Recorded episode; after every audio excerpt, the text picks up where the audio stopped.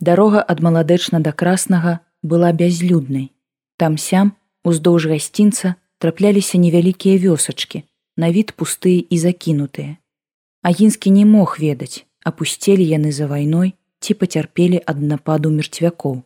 У роздумы міхала закрадаліся сумненні, а ці не пашырылася мярцвячая навала па-за межы мястэчка і яго наваколля. Ці не чакае яго ў красным тое самае, чым сустрэла маладэчна, разбурэнне і смерць. Аднак гэта было не так.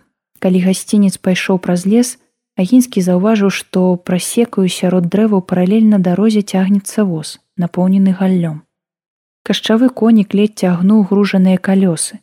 Вознік, каб не ўскладняць жывёліне працу, ішоў побач прытрымліваючы лейцы. Гэта быў жывы чалавек. Стары сівой барадой ён не адразу заўважыў вершніка.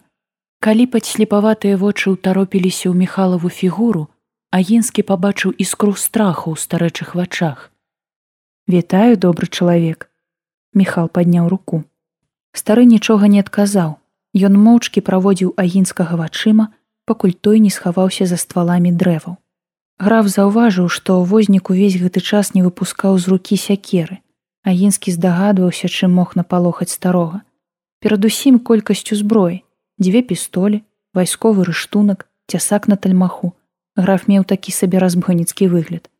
Але магчыма, возніка спужала тое, што Міхал ехаў з боку землю ў запоўненых мерцвякамі і сам мог быць адным з іх. Пакінуўшы воз за спінай, Міхал паскорыў ход. Ён быў рады, што цёмныя думкі не знайшлі пацверджання і насуперак прачуваннем ён спаткаў жывога чалавека. Сонца пачало апускацца да захаду, калі Міхал уехаў у краснае.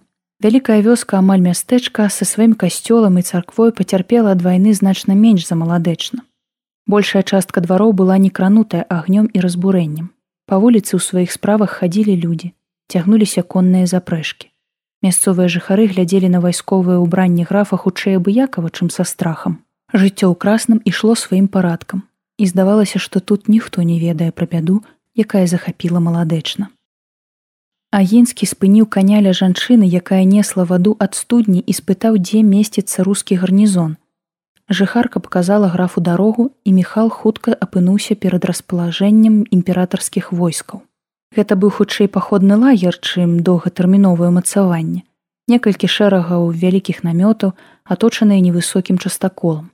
Міхал пад'ехаў да найбліжэйшага ўезду і спыніўся каля перагародкі з драўляных козлаў. Да вершніка адразу падышоў вартавы. Другі жаўнер, пабачыўшы ўзбраенні графа, узняў стрэльбу. Я граф агінскі з-пад маладэчна. Сёння з раніцы каля маёй сядзібы быў заўважаны вялікі атрад французаў. Я думаю, Гэтыя сілы могуць быць небяспечныя для насельніцтва і вайсковых шляхоў забеспячэння ў нашым тыле. Словы Михала пра французскі атрад не дужа разыходзіліся з праўдай.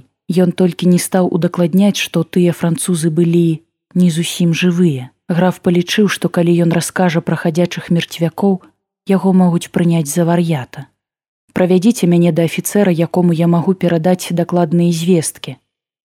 Вартавы агледзеў Михала з ног да галавы. Вядома, грышка правядзе вас да капітана.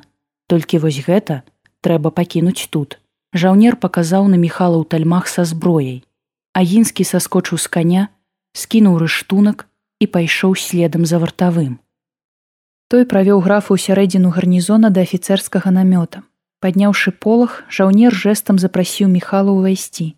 У намёце было светла, сонечныя промні праходзілі ўнутр праз шматлікія акенцы, прарэзаныя ў тканіне.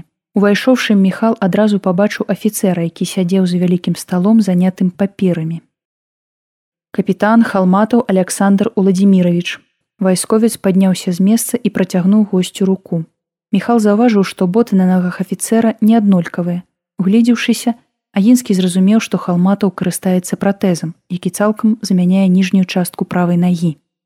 Сенатар расійскай імперыі граф Михал Клеафас Агінскі адрапартаваў міхал і паціснуў працягнутую руку.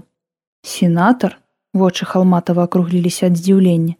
Чым магу быць карысны? Нешта ў голасе і выглядзе агінскага не дало капітану падставу засумнявацца ў тым, што перад ім стаіць значная асоба.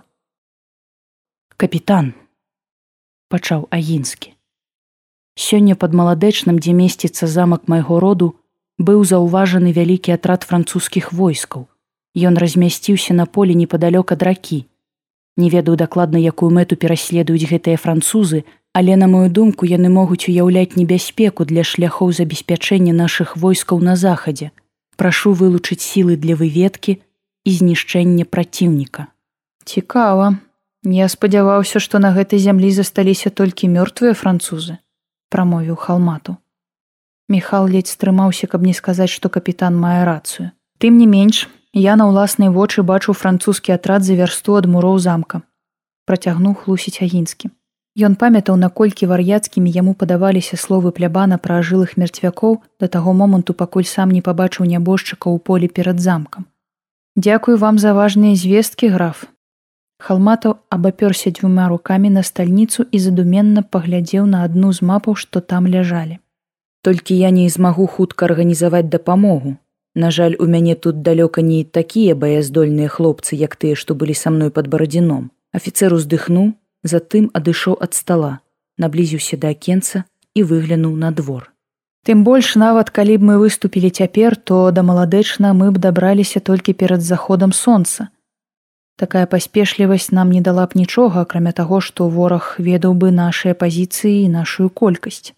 Капітан шырокім крокам з ледзь заўважнай кульгавасцю падышоў да выхаду і паклікаў таго жаўнера, які прывёў у намёт агінскага. Лепей выступім на досведку, сказаў ён міхалу і павярнуўся да вартавога.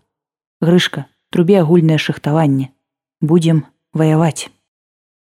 Пасля кароткага збору, на якім халматаў загадаў жаўнерам рыхтавацца да заўтрашняй выправы, агінскі выказаў жаданне застацца ў гарнізоне і прапанаваў паслугі правадніка па землях маладэчыншчыны.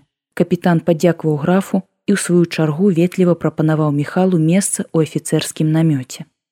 Умовы спартанскія, але гэта ненадоўга, усміхнуўся халмату. Нам ваенным людзям не прывыкаць, вы ж ваявалі граф, ці я памыляюся. Міхал сумесю здзіўлення і недаверу паглядзеў на капітана. Так, ваяваў, адказаў агінскі пасля доўгай паўзы дадаў, як раз у гэтых мясцінах. Зразумела, адрэзаў халмату і змок.